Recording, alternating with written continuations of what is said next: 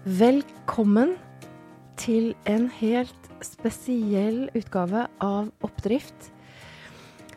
Jeg sitter her altså med eh, et menneske som eh, Og jeg kan si det altså med en gang at jeg er blodfan av denne dama her. Hun har Hun er skribent og tenker tanker som eh, åh, Hun graver etter gull og finner det. Og hun har da som bøkene hennes har gitt meg flere aha-opplevelser enn jeg kan huske de siste årene. Hver gang jeg hører henne på radioen, så tenker jeg bare Her om dagen måtte jeg stoppe bilen langs E6, for jeg hørte henne på Dagsnytt 18. Og jeg måtte stoppe bilen eh, fysisk og gå ut og danse av glede. Da var hun på Dagsnytt 18 og snakket om slanking.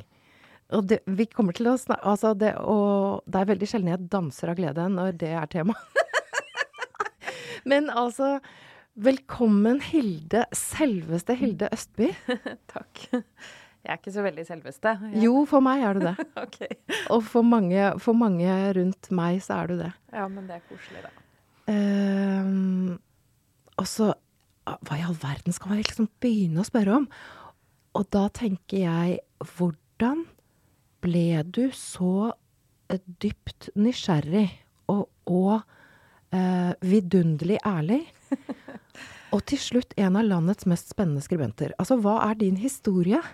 Hvor starta det? Å oh, ja, ja, min historie. Det er veldig mange historier, egentlig, om hvordan jeg har kommet hit jeg er i dag. Um, jeg tenker jo Ja, skal jeg begynne med skal jeg begynne med den dagen jeg ble trakassert ut av jobben min? Begynn hvor du vil. og jeg tenkte nei, nå har jeg tapt alt. Og så begynte jeg bare å skrive bøker isteden. Uh, eller jeg kan begynne med den uh, dagen jeg ble veldig sjuk. Um, jeg hadde tre prolapser i ryggen. Var lam i det venstre beinet. Og jeg skulle til det lokale Nav-kontoret, og han som satt bak disken, sa du kommer aldri til å jobbe igjen. Mm. um, eller skal jeg begynne med alle de timene jeg har vært uh, i terapi?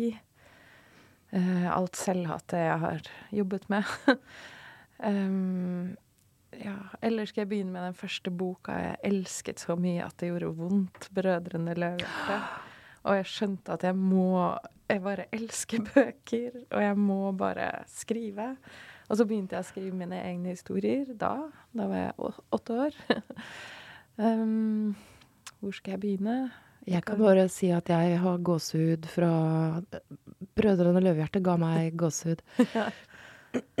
da du nevnte det. Men ja, uh, apropos ærlighet, da, fordi jeg syns så mye barn... Og jeg var åtte år, altså. jeg syns jo så mye barnelitteratur var tullete og fjåsete og ikke snakket om de viktige tingene. Og endelig var det en bok som snakket om de viktige tingene. Som mm. turte å snakke om døden med meg. Og det Og om eh, liksom sterk kjærlighet og desperasjon og mm. ikke sant, de store følelsene. Mm. Så den gjorde at jeg ville bli forfatter, tror jeg.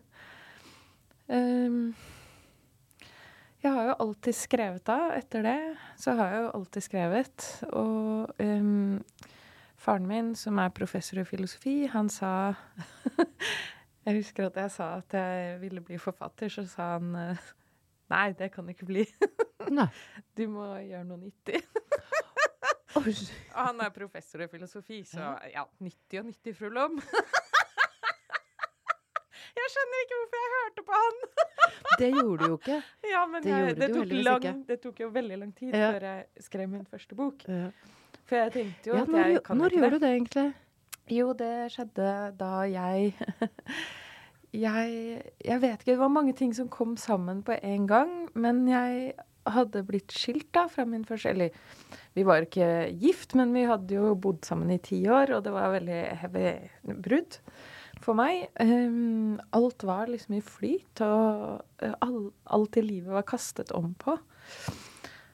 Og så um, Og så begynte jeg å gjøre yoga uh, mye mer sånn intenst enn jeg hadde gjort før. For jeg har liksom prøvd Jeg prøvde første gang da jeg var sånn uh, ja, 1,32, liksom.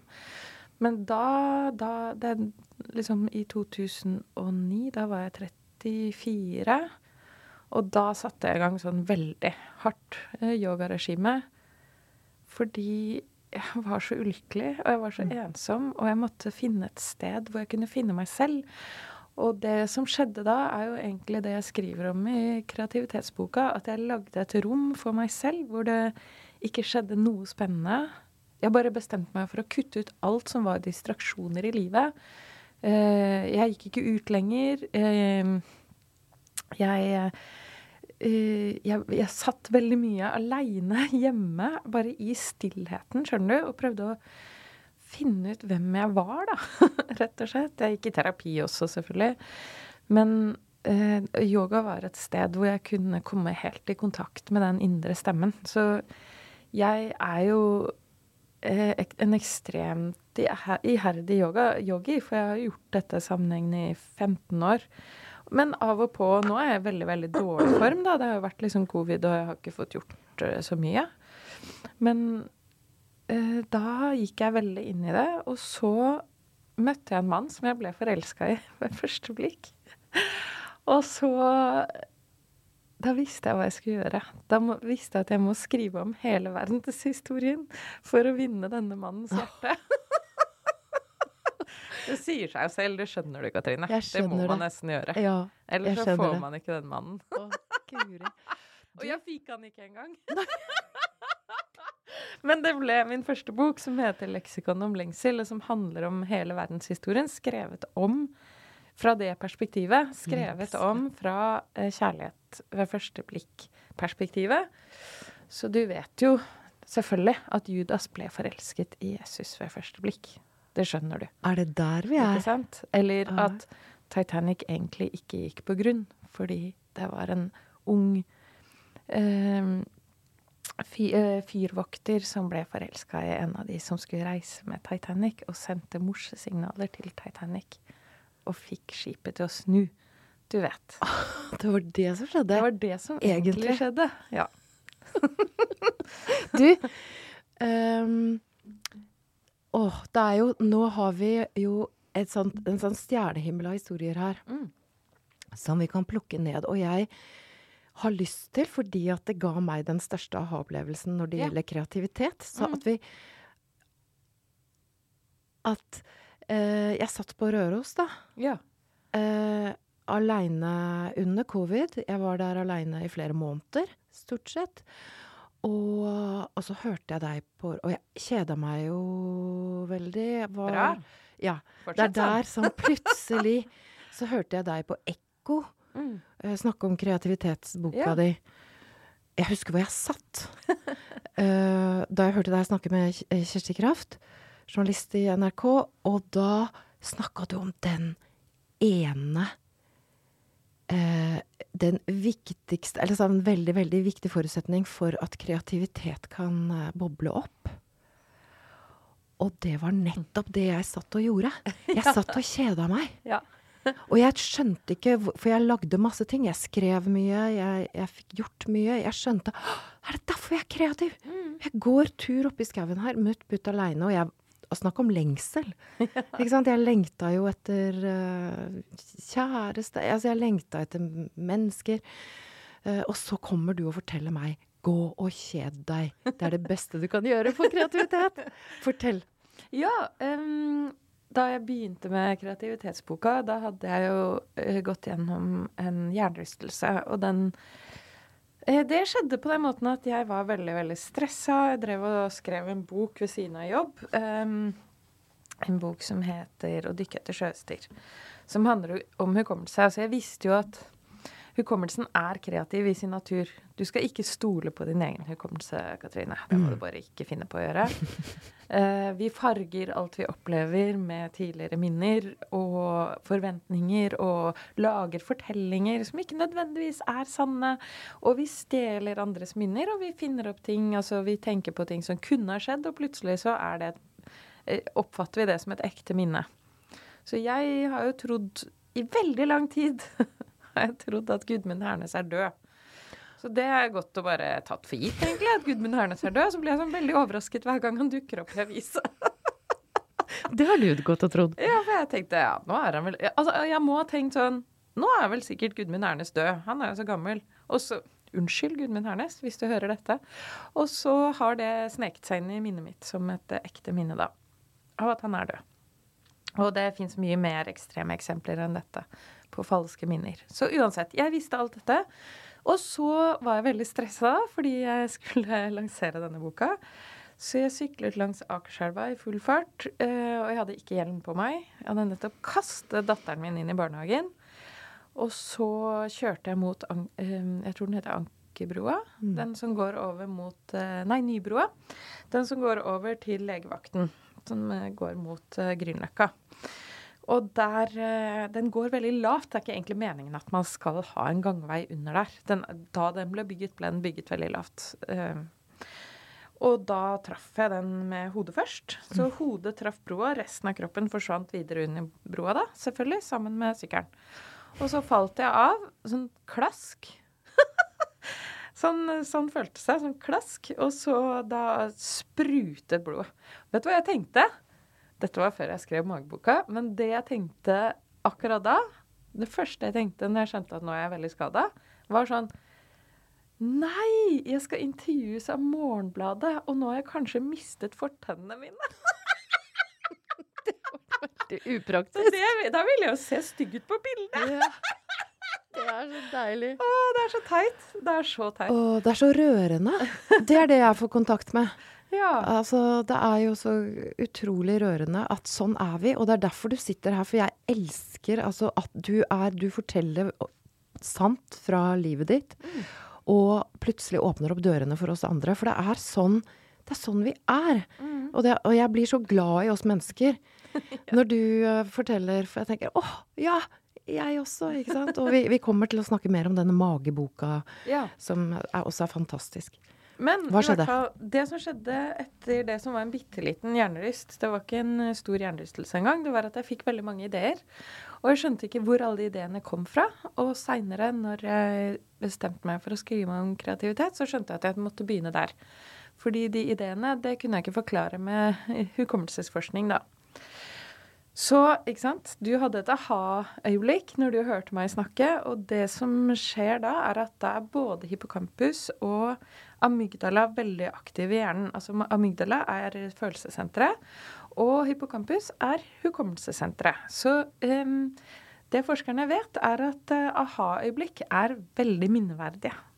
Så jeg har nettopp snakket med kunstner Katie Paterson. Det er hun som har laget Fremtidens eh, bibliotek, Future Library. Eh, som er et fantastisk prosjekt. Altså 100 bøker på 100 år som låses inn i Deichman mm. Bjørvika og skal åpnes om 100 år. Eller litt under 100 år. Hun kunne gjenfortelle de fleste viktige ideene i livet kunne si akkurat hvor hun hadde sittet. Mm. Akkurat hva hun hadde gjort mm. rett før. Satt på en kafé i Glasgow, da kom den ideen, osv. Å, oh, vet du hva jeg får lyst til? Nei. Uh, jeg får lyst til å kontakte Altså si Altså, du, du som er så uh, gavmild og raus og bruker tiden din sammen med oss nå, mm. og hører på. Kje, altså, se om du kan huske noen øyeblikk i livet ditt som har vært sånn aha! Altså hvor du var mens vi sitter og snakker nå. Hvor var du hen? Ikke sant? Altså, um, uh, uh, så, så, du som hører på, vi sitter jo her nå rundt dette leirbollet sammen med Hilde Østby, som, uh, som skal fortelle om mye forskjellig. Og nå snakker vi om aha-opplevelser. Når fikk du en aha-opplevelse? Og så fortsetter vi, uh, og så fortsetter vi her. Ja, ja, altså leksikon om lengsel var en aha-opplevelse. Fordi det begynte bare med at jeg eh, Det begynte bare med en eh, liksom, lang tirade som jeg bare skrev uten at jeg visste hvor jeg skulle med det. Og jeg hadde jo skrevet romaner før som var blitt refusert, og som hadde fått meg til å tenke at jeg kan aldri gjøre det der. Jeg, er ikke god nok til det der. Og mm. så, mens jeg skrev den tiraden, så skriver den stemmen som skriver tiraden Hun er åpenbart litt klin kokos, og så skriver hun 'Jeg skal skrive et leksikon fra A til Å, og det skal oversettes til italiensk', og så må det og bli en kjempebestselger i Italia, og da må det oversettes tilbake til norsk. Og den mannen hun skulle forføre, var oversetter fra italiensk til norsk, så det gir jo mening. Nå hadde jeg skrevet alle de crazy tingene der. Og nå kan jeg bare skyte inn at bøkene der, dine er oversatt til 20 språk. Ja. Så vi må bare Og italiensk. ja. vi må bare få med det. Um, men uh, det var en sånn klin kokos ting. Og så var det sånn Aha! Å ja, men det er det jeg skal gjøre, da. Da må jeg bare skrive et leksikon fra A til Å om lengselen, eh, lengselen og kjærlighetens historie. Så det var et aha-øyeblikk som oppsto mens jeg skrev, på en måte. Det er ikke så vanlig for meg. Det er jo mer den derre eh, Altså, Det jeg skriver om i kreativitetsboka, er jo det er jo to typer Selv om man ikke, vi kan ikke lage et så skarpt skille, men det er jo to typer aha-opplevelser, eller um, ideer. Og den ene typen idé er, um, er den som bare skjer innenfor systemet. Altså jeg jobba som journalist i mange år, så hver morgen måtte jeg ha en idé til en mm. sak. ikke sant? Du har også vært journalist i mange år. Så du må komme på morgenmøtet, så må du ha en idé. Og det hadde jeg alltid. Jeg hadde alltid én god idé, og så en i reserve, liksom. Som mm. kanskje kunne redde meg, da, hvis den første ble refusert. Så du blir veldig vant til å levere ideer innenfor systemet. For jeg hadde jo aldri den ideen som var sånn som, som Ikke sant? Eh, knuse systemet, da. Eller som gjør noe helt Snur opp ned på ting. Hva om jeg i 1998 hadde hatt ideen til podkast, liksom? Mm. Ikke sant? Men det hadde jeg ikke. For jeg var innenfor systemet. Og så er det de ideene som uh, oppstår helt ut av det blå. Og det er de mest radikale også. Det er forskning på det også. Det er uh, University of Santa Barbara, der har, de, der har, forskerne gitt eh, forfattere og andre forskere i oppgave å rapportere når de får ideer. Og de rapporterte, skrev ned hver gang de fikk en, en aha-opplevelse. Og en femtedel av disse aha-opplevelsene oppsto mens forskerne og forfatterne bare gikk rundt og humdi-dummet og tenkte på ingenting og mm. kjedet seg og var i såkalt dagdrømmemodus. Som jeg kan ah, fortelle litt mer om. Ja. Eh, men den dagdrømmemodusen, da, eller humdi-dum, som jeg også kaller det, som er sånn Du bare lar tankene fly. Eh, de ideene var også mest radikale. Så for å illustrere dette poenget, så pleier jeg å fortelle om en ung gutt på 16 år eh, som bodde i Sveits, og som var veldig, veldig flink i fysikk, da. Og så lærte han om lysets hastighet på skolen. Og det er sånn 324 000, er det det? Veldig fort. Kilometer i veldig, veldig fort. Ja, sånn skikkelig fort, da. Mm. Vitenskapelig sett skikkelig fort. Og han lærte om det, og så tenkte han hva om Og dette var en helt unyttig tanke, ikke sant? Hva om jeg reiser like fort som lyset? Vil jeg kunne se meg selv i speilet da? For du vet, speilet er avhengig av at du kaster lyset tilbake. Mm. Lyset vil jo ikke rekke det. Ikke sant? Hvis han reiser like fort som lyset. Så um, Så bare tenkte han på dette litt teite problemet i ti år. Og så møtte han sin uh, venn Michele Basso. Og så snakket de litt, og så dukket dette problemet opp, og så snakket de litt til, og så sa denne unge mannen, da, han var sånn 25 da, så sa han 'nå vet jeg faktisk svaret', sa han. Og så løp han tilbake til kontoret sitt og skrev den første relativitetsteorien. Mm. Så da vet jo du at det er Albert Einstein. Mm. Og alt dette fordi han bare gikk og grublet og tenkte på et rart problem som mm. ingen hadde bedt ham om å løse. Og, de mest, og dette forandret jo vårt forhold til tid og rom for alltid. Um, for de som skjønner relativitetsteorien, i hvert fall. Hvor mange er det? ja. Ikke jeg. Moderne Men, uh, vitenskap. Ja. For moderne vitenskap så har dette vært en revolusjonerende idé. Det og det er fordi han turte å gå og tenke på et problem ingen ba ham om å løse, mm. og bare grublet og humdi-dummet. Og gikk på stranda og tenkte. Hvordan kan vi få mot til det? Altså, hvordan kan vi uh, eh, skru ned tempo. Mm. Og hun de dumme og flere av oss. Ja. Hvordan gjør vi det? Ja, nei, jeg er veldig bekymra for akkurat det. Fordi det er ingenting Det er veldig lite i vår kultur som oppmuntrer til denne humdidummingen. Og det Er det sånn- noe du finner Kan du For jeg tenker Du nevnte jo yoga, meditasjon Ja, yoga, meditasjon, miljøet er jo opptatt av det, ikke sant. Ja. Så det fins jo en sånn motbevegelse, men selve hoveddrivkraften i vårt samfunn handler jo om sant? effektivitet og å levere resultater, Mm. målbarhet. Du kan ikke gjøre feil. Mm. Altså, vi Jeg er så bekymra, jeg må si det, Katrine. Jeg er så bekymra for skoleverket. Mm. Eh, min datter ble målt på hvor god hun var til å lese. Eh, altså i første klasse. Mm. Og det er meningsløst for meg.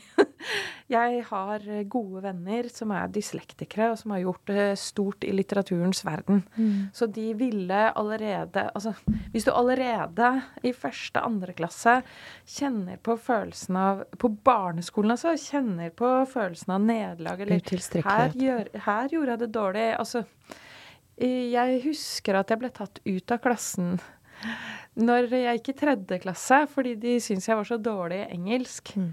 Og nå snakker jeg veldig bra engelsk. Mannen min er engelsk. Jeg har et en, en, hovedfag, eller en mastergrad, da, som det heter nå, på Shakespeare. Eh, jeg leser jo engelsk eh, like mye som jeg leser norsk. Det er ikke noe galt med min engelsk, men hvis jeg skulle hørt på de folka som var bekymret over meg i tredje klasse, Mm.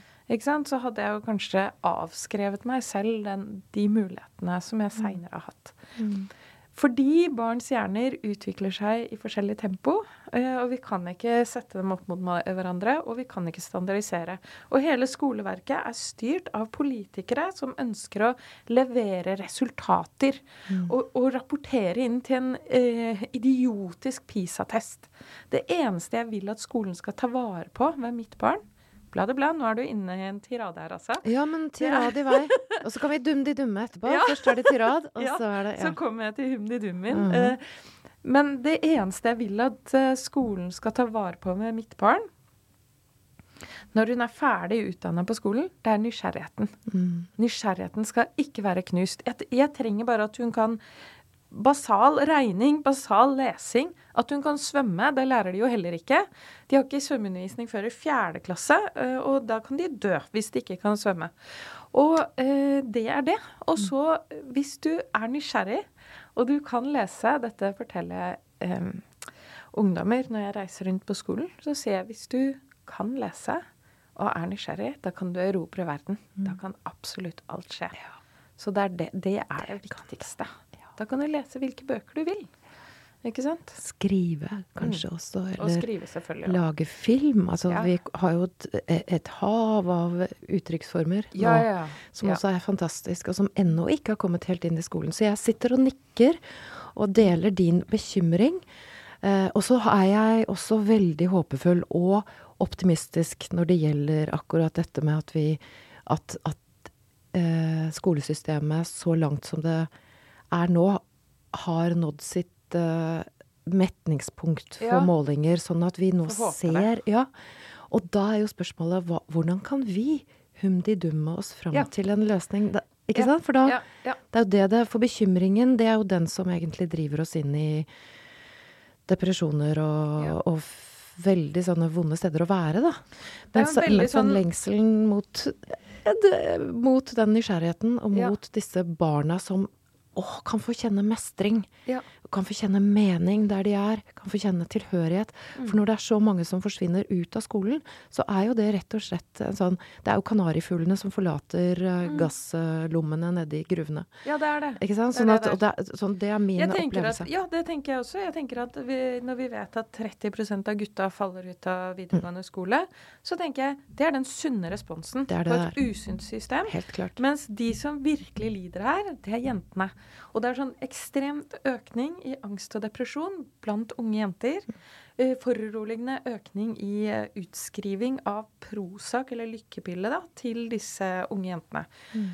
Det tenker jeg er eh, Det er det som bekymrer meg mest. For gutta, la oss si kanarifuglene, da. Gutta Mm. forsvinner jo ut, ikke sant. Dette er jo den gamle historien om at de hadde kanarifugler i gruvene som skulle eh, som, skulle, som døde. Ja, Og da visste at- man at det var lite luft her. At det var gassutslipp i, i gruvene. Så da måtte menneskene også ut. Sånn at de gutta de forlater jo nå gruvene fordi det er eh, giftig klima. Det er, de har følelsen av å ikke mestre. De, har, de får beskjed hver eneste dag om at de ikke når standarder. Og det er jo altså det mest demotiverende vi kan oppleve hele livet. Så vi er liksom helt Jeg blir veldig ivrig når du snakker, og jeg tenker jentene er jo da der nede og får denne Og giften, kvelt. ikke sant. Blir kvelt. Men jeg Vet du hva, Hilde? Mm. Kan ikke vi humdi-dumme mer om det, og så finner vi løsninger? Ja, så kan vi ikke bare gjøre det? Jo, Vi bestemmer oss for at det, det skjer en gang. Jeg bare, Ja. Og det fins mange, mange som, eh, som, Ja, som opplever det sånn som oss. Så lærerne er jo Veldig mange lærere er jo helt enig i disse tingene, Ja. men de er overstyrt politisk til Også- å holde på med denne målingssystemet, da. og så har vi høsten 2019, like før, eh, like før vi stengte ned, så startet vi jo med fagfornyelsen. Ja. Som bygger på tre bein. Så det har skjedd noe. Mm. Fagfornyelsen i skolen. ja. Den bygger på livsmestring. Altså det er de tre beina alle fagene skal eh, stå på. Mm. Det er livsmestring og folkehelse. Det er eh, medborgerskap. mm. Og det er bærekraft. ja. Sånn at hele skolen har fått en ny, en ny struktur. Og oppå der så vil det skje ja. som vi snakker om. Opp, oppå der ligger nysgjerrigheten. Mm. Oppå der ligger eh, medfølelsen, evne til mm. eh, sosial kompetanse, så skummelt det er for oss mm. å, å, å treffe nye mennesker fordi så mange har opplevd eh, Er veldig skvettende da, på andre mennesker. Mhm. Eh, jeg digger også at du snakker så eh, utrolig åpent og gøyalt om traumer, fordi For du har liksom Ja. Og det, vi, altså, det er jo veldig, veldig veldig mange av oss som har opplevd et eller annet som gjør at vi syns det er skummelt med andre mennesker. Mm. Og det er ikke noe rart i det hele tatt. Men nå får du tiraden tilbake. Ja, ja da. Men også så jeg på arbeidslivet, og det er jo foruroligende tall. Det er Norsk Gallup som har vært i ah, Jeg skulle ønske jeg var sånn eh, Det er ikke alle tall jeg har like present, men Norsk Gallup har eh, kjørt en undersøkelse i over 100 land, og der har de funnet ut at at det er ekstremt få arbeidstakere som egentlig er engasjerte i jobben sin, eller føler seg lykkelige i jobben sin. Veldig mange føler seg ikke lykkelige i jobben sin, og, eller er likegyldige til jobben sin. Og vi er på jobben veldig mye av tida. Jeg tror arbeidslivet også er drevet av altfor sterk eh, fokus på effektivitet. Og jeg tror ikke effektivitet er effektivt engang. Det som er sånn utrolig ironisk, da, det er at kapitalismen, hele kapitalismen rundt oss nå, den lever av gode ideer. Ikke sant? Det er basisen for at du skal kunne selge nye ting, er at folk kommer opp med gode ideer. Hurra for det. Kan vi bare ta og feire det? For det kommer jo opp ideer hele tiden. Ja, ja, og det er fantastisk med kapitalismen. Nå strekker jeg hendene over hodet. Ja, ok. Jeg bare gjør det, for jeg, ja, takk til alle som kommer med gode ideer. Og, Og det ja. er fantastisk, og det gjør folk uansett. Altså, det er i vår natur, er det, å komme med gode ideer. Som jeg sa når jeg var kjempestressa og jobbet i avis. Jeg var veldig stressa når jeg jobbet i avis. Jeg Jeg hadde jo, for, ja, jeg hadde jo fortsatt to ideer hver dag, Mm. men innafor systemet ideer. Men kapitalismen, som er så drevet av ha, at vi har gode ideer, er også eh, i, i veldig stor grad offer for denne misforståelsen om effektivitet, sånn at man skal piske arbeiderne etter den gamle industrimodellen. Industrimodellen det, for arbeid, det er jo sånn at eh, før 1900 så jobbet folk tolvtimersdag, og så satte eh, organisasjonene seg ned med arbeidsgiverne og fikk forhandlet frem åttetimersdag. Men det var jo åttetimersdag var jo målt ut fra fyrstikkarbeidernes vilkår. Ikke sant? Det er tungt for kroppen å stå i tolv timer, så det er bra å stå i bare åtte. Men vi andre, og de fleste av oss som jobber nå, vi jobber foran en datamaskin. Og det er ikke en hensiktsmessig måte å måle arbeid på i det hele tatt. Fordi eh, hodet mitt er jo alltid skrudd på. Det er skrudd på døgnet rundt. Jeg får en idé midt på natta, liksom. Så en arbeidsgiver må, arbeidsgiverne må være mye flinkere til å la arbeiderne humdi-dumme. Og det var da jeg oppdaget, Katrine, at de største kapitalistene i hele verden, de som tjener absolutt aller mest på gode ideer, Silicon Valley, der vet de, og det, det skal de ha. De vet å ta vare på arbeidernes humdidum-tid. Så der er det helt lov å leke og tulle, ikke gjøre viktige ting på jobb. Fordi de vet at det viktige her er at vi tar vare på det hodet. Det hodet er verdt millioner, ja. ikke sant? Og jeg gleder meg. altså Jeg kommer jo fra Handelshøyskolen i Bergen. Jeg ja. gleder meg. Og altså Humdidum ja. er på vei inn der. Mm. Jeg kan bare love deg det. det er, du ser det ja. på, på, hva det er de er opptatt av. Ja. Uh, og akkurat det du snakker om jeg, jeg, Effektivitet er jo uh, økonomenes um, Nordstjerne. Altså ja. det er jo vårt nord, ikke sant? Ja. har vært Og det har den lineære effektiviteten mm. vi snakker om. Men vi begynner nå å våkne kollektivt ja. som økonomer og skjønner at vi er på bærtur. Altså vi trenger Det er en professor på Handelshøyskolen uh, som sier det. Eller um, Arne Selvik. Mm. Uh, han sier det vi, vi, vi, vi, må kalle tilbake flere generasjoner av økonomer. Og installere ny software. Ja. Fordi at vi trenger Vi går fra hjerne til hjerte ja. i arbeidslivet. Ja. Fordi den lineære effektiviteten, den tar maskinene seg av. Og alt som er tungt og farlig og kjedelig, tar maskinene seg av. Vi kommer til å leve av humdi-dum. Mm. Altså humdi-dum og gode ideer og stor systemdesign mm. og altså klok systemdesign som er hele designet av en skole, f.eks. Mm. Og hva, hva er viktig, hva er vesentlig for å ivareta helse, nysgjerrighet. Så jeg, jeg bare Ja, det er veldig godt er å på høre, vei da. der. Vi er, er på vei, men det tar det tar veldig lang tid. Generasjoner. Og det er liksom Når jeg begynte Altså når jeg begynte å skrive kreativitetsboka, så var det ikke sant? Jeg, jeg var ute etter hva er en god idé, hva er gjennomføring, hva er motivasjon? Motivasjon er jo det magiske, da. Mm. Motivasjon er knytta til hvem du er som person. Det er liksom det er selve fiberet, det er dypt inni deg, det er hjertet. Du kan ikke egentlig lære det, trikset der. Du må, du må vokte det, ta vare på det.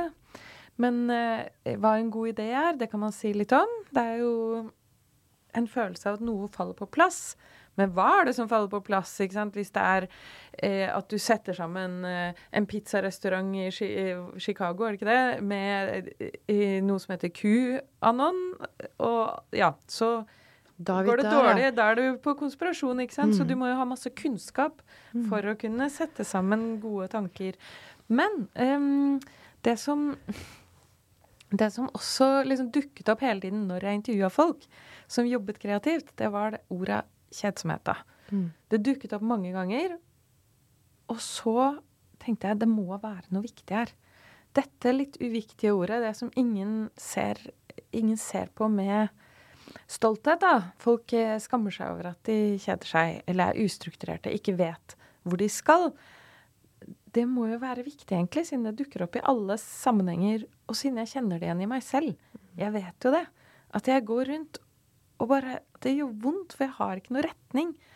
Og jeg surrer liksom rundt noen ord og setninger. Det er ting som dukker opp hele tiden. Og så begynte jeg å lese mer på hjernevitenskapen, og da fant jeg noe som et kjempestort forskningsfelt som har blitt utviklet de siste ti årene. Det er hundrevis av forskere som sitter over hele verden, fra Kina til Canada, og forsker på det de kaller DMN, som er altså det de kaller på forskerspråket Default Mode Network. Og de kaller det det fordi det er en forsker som heter Marcus Rachel, som fant dette hjernesystemet da han eh, skulle skanne hjernene og se eh, hvordan hjernen er i aktivitet. Altså han, han, utviklet det som heter FMRI, altså hvordan Det er den maskinen man bruker for å skanne hjernen mens den er i aktivitet. Så det er liksom MR-maskin, bare enda mer avansert. Så du får en kontrastvæske, og da kan du se hvor blodstrømmen beveger seg rundt i hjernen.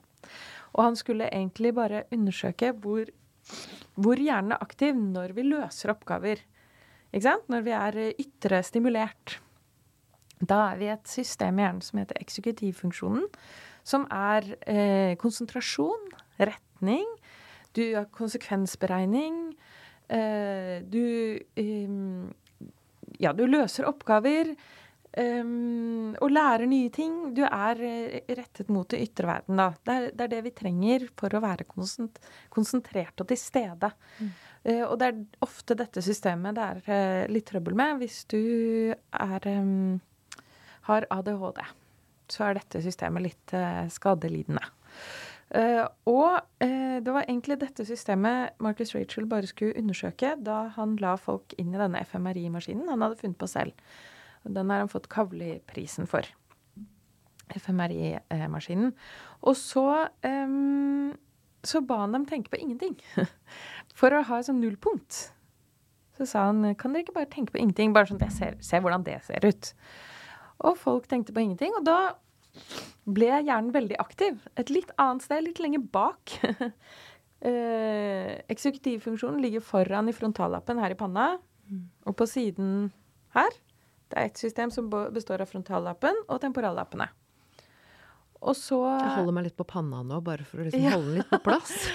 altså, eksekutivfunksjonen var akkurat der jeg traff broa med hodet først. Ja, nemlig. Jeg traff på siden her, på høyre side.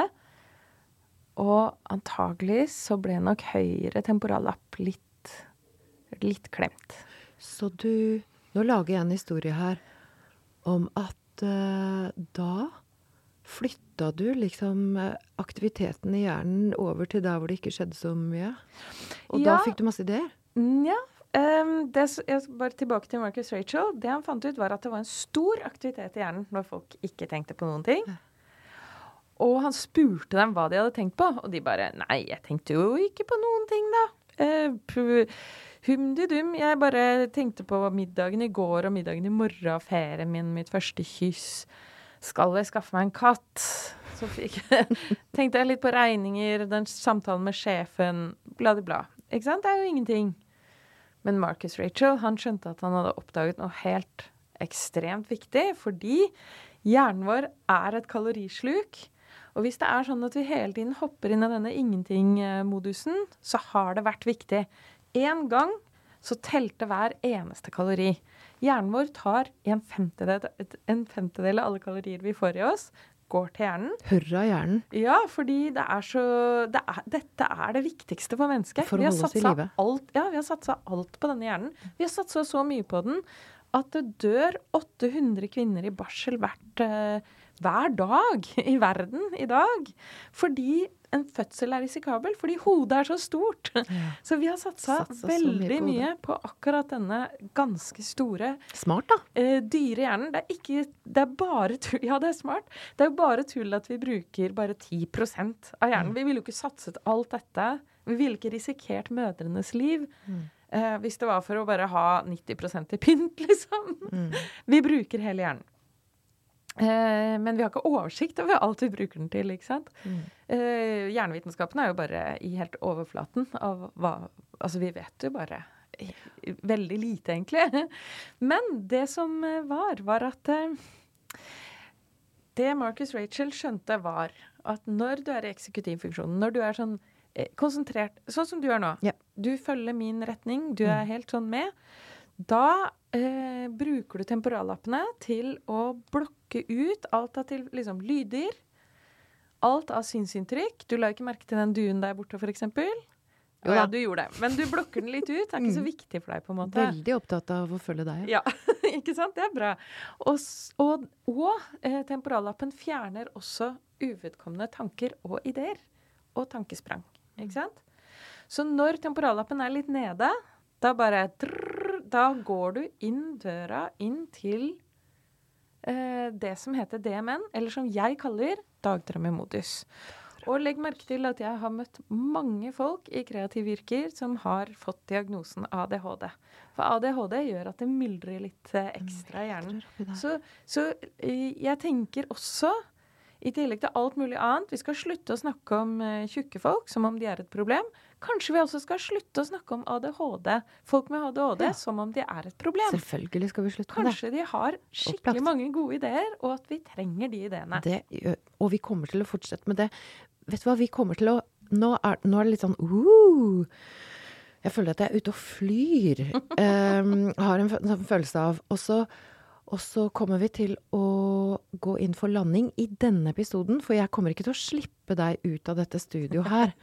Før, før jeg har fortalt alt? Før du har fortalt alt. før du har snakka om mageboka di, for det kommer uh, seinere. Da ja. blir det snakk om forskningen på Altså hvorfor vi Altså, du bruker jo det ordet magehat. Mm. Altså, det er et så sterkt ord. Og det er også en aha-opplevelse aha for meg når jeg leste den. Så det kommer vi til å snakke om. Og hvilken lettelse det er å vite. Å, den magen vår som Det er så rørende igjen, da, tilbake til denne ømheten over at å, vi er så mange som går rundt og prøver å holde inn den magen, og det er så rørende. Men før vi lander helt på kreativitet, Ja. så eh, Og nå har vi jo Nå har jeg hørt deg fortelle om at vi, dagdrømmerne Det skriver du også så vakkert som undertittel på boka. At dagdrømmerne forandrer verden. Skal redde verden. Skal redde verden! Ja. Og, og det er de frie assosiasjonene. Det er når vi slutter å gjøre, gjøre, gjøre. Det er når vi eh, Altså, du, du skriver at kreativiteten bygger på tryggheten til å gå seg vill Mm. Og gjøre feil. Mm. Og, jeg, og det, det, er så, det er så vakkert og lettelse, og jeg er så spent på hva som skjer med deg som hører på. Uh, hva du liksom kjenner. Gå ut og dagdrøm. Gå ut og kjede deg. Det er derfor vi Jeg husker mamma sa det til meg. Ja, du har godt av å kjede deg litt. Og så er det sånn Ja, har faktisk det. Nå skjønner jeg jo at jeg hadde det. Ja. Men før vi går helt For det er én måte å komme ned Du skriver om Du skriver jo eh, så nydelig i den boken om bølgene. ja. Ikke sant? At vi, vi Normalt når vi er her og er våkne og er i eksekutivfunksjonen, så har vi jo betabølger. ja. Ikke sant? Da har vi jo da går, Det går over sånn 12 MHz megahertz per ja. sekund eller noe sånt. Så det måles elektrisitet, rett og slett. Elektrisk aktivitet. Så for å, Og nå er det liksom clouet for å komme seg til denne her dagdrømmer-modusen. Så er det liksom å komme ned på alfabølgene. Og de er mellom Jeg skrevet opp fra jeg hørte på ekko. Mellom 8 og 12 megahertz yeah. per sekund. Yeah. Og så er det gammanivået, da. da Kan være veldig høyt. det er veldig, eh, veldig høyt. Da går hjernen amok. Ja, det er antageligvis der vi får nye ideer og Ja. lager nye sammenhenger mellom nevroner. Men hvordan kommer vi oss på alfanivå, Hilde? Ja, det det? er veldig interessant. Eh, Jeg ble veldig opptatt av det. Altså, det er en eh, forsker som heter Beman, som målte den altså hertzaktiviteten i hjernen mens folk løste oppgaver og fikk aha-opplevelser. For forskere kan veldig lett gi oss en aha-opplevelse. De kan bare gi oss et enkelt mattestykke. Idet vi skjønner svaret, så er det en, en liten aha-opplevelse, liksom. Eh, og eh, da kunne han se at liksom millisekundene før løsningen kom, så senket hjernen seg ned til alfabølger. Mm. Og, og det syns jeg var så fascinerende. Jeg ble helt sånn Men hva er det, da? For alfa, når vi er i alfa, det er våken hvile. Så når det først ble målt, så ble det målt på folk som lå med øynene igjen. Dette var på 30-tallet, da disse hjernebølgene først ble beskrevet. Da lå folk på en benk og bare lukket øynene, og da var de i alfa. Og så vet vi nå at hvis du gjør yoga, da, så er du i alfa. Mm. Eh, eller hvis du Jeg vil jo tro, selv om jeg har ikke sett noe forskning på det, at når du sykler liksom på en sånn kjedelig vei, eller bare går på ski i time etter time, da er du nok antageligvis i alfa. Ja. Og når du strikker, er du i alfa. Ja. Altså, tenk på alle aktiviteter som er sånn Når du holder på i jorda, jeg har en søster som elsker Ja. å være i Altså lage planter, holdt jeg på å si. Hun Ja. lager planter. Så det er jo uh, Jeg elsker å stå i hager, og det er masse forskning på hager nå. Ja. Og bare det å stå i gra og grave i jorda hjelper mot depresjon. Så det er et stort forskningsprosjekt i England og Norge, faktisk, i Telemark, tror jeg, hvor man har liksom en kontrollgruppe som får Prozac, versus en gruppe som bare møtes for å lage hage sammen. ja. Og det virker bedre enn Prozac. Det virker bedre enn Prozac. Så så ikke ta Prozac. Begynn i hagen, lag Ja. en gjeng. Det Ja. hjelper så mye bedre. og og det er jeg- ingen bivirkninger. Jeg trenger nå jeg trenger nå, nå bare rekke opp hånden og sier yeah. ta Prozacen din. Altså hvis du Jeg har, jeg, Ja, jeg har veldig god Ja, ja, ja. erfaring med med 10 mg Cipralex om dagen, Ja. som har hjulpet meg i mange, mange, mange mange, mange år. Så jeg sier også ja, Ja, ja, takk ja. til både Cipralex og hage og Og som strikking. funker. Jeg er veldig for det. Og, og for å, å komme ned på det alfanivået. Og bare sånn, jeg vil Den beste måten jeg vet å komme på alfanivå på, ja, Ja. det er altså en utrolig fyr som heter José Silva. Han Ja. har laget en egen metode Ja. Han drev, har drevet altså Det kalles Silva-metoden. Ja, det har Og det hørt om. er rett og slett bare for å komme seg ned på alfanivå. Ah. Så har du muligheten til å ta, finne en Silva-trener et sted. Det fins flinke, flinke trenere oh, i ja, Norge. så gøy, da. Så kommer du deg. Det er metode for rett og slett å komme ned på alfanivå. Ah. Og det er et veldig sunt nivå for sinnet. Ja, ja, ja. Et Fordi alfanivå er jo da Da er du innom denne dagdrømmemodusen. Mm. Og det som var rart, som jeg ble så veldig opphengt i, var hvorfor skrur hjernen seg ned til alfanivå rett før vi skal løse en oppgave? Jo, det er fordi vi hopper inn i denne dagdrømmemodusen, hvor hjernen går bananas i ville assosiasjoner. Vi trenger de ville assosiasjonene for å løse problemer på eh, nye måter. Ikke sant? Når vi aldri har gjort noe før, så hopper vi inn i den alfa-DMN-modusen for å løse ting. Herlig. Og det kommer vi til å fortsette med i neste episode. Er det over? Ja, nå er vi, nå er vi nå er det, det er ikke over. Vi har så vidt begynt. Fordi eh, jeg slipper deg ikke ut fra det studioet her. Men takk altså for den første. Nå har vi romstert med kreativitet og har funnet ut uh, forskjellige ting. Vi har til og med satt i gang et prosjekt om å Løse skolen? løse skole... Ja, for nå skal vi humdidumme oss fram til det. Ja. Uh, sammen med masse andre bra folk. Så altså takk, Hilde Østby, for at du kom hit. Takk til deg som hørte på, brukte din dyrebare tid eh, sammen med oss her i Oppdrift. Vi skaper jo Oppdrift sammen. Og samtalen fortsetter på, på, på, i den lukkede gruppen vår på Facebook, som heter Emosjonell styrketrening. Har du innspill, tanker, så gå dit. Og så fortsetter vi samtalen der. Og så løser vi både skolen og næringslivet og alt vi inni der. Når vi humdi-dummer sammen. Tusen, tusen takk for at du hørte på. Og takk, Hilde. Bare hyggelig.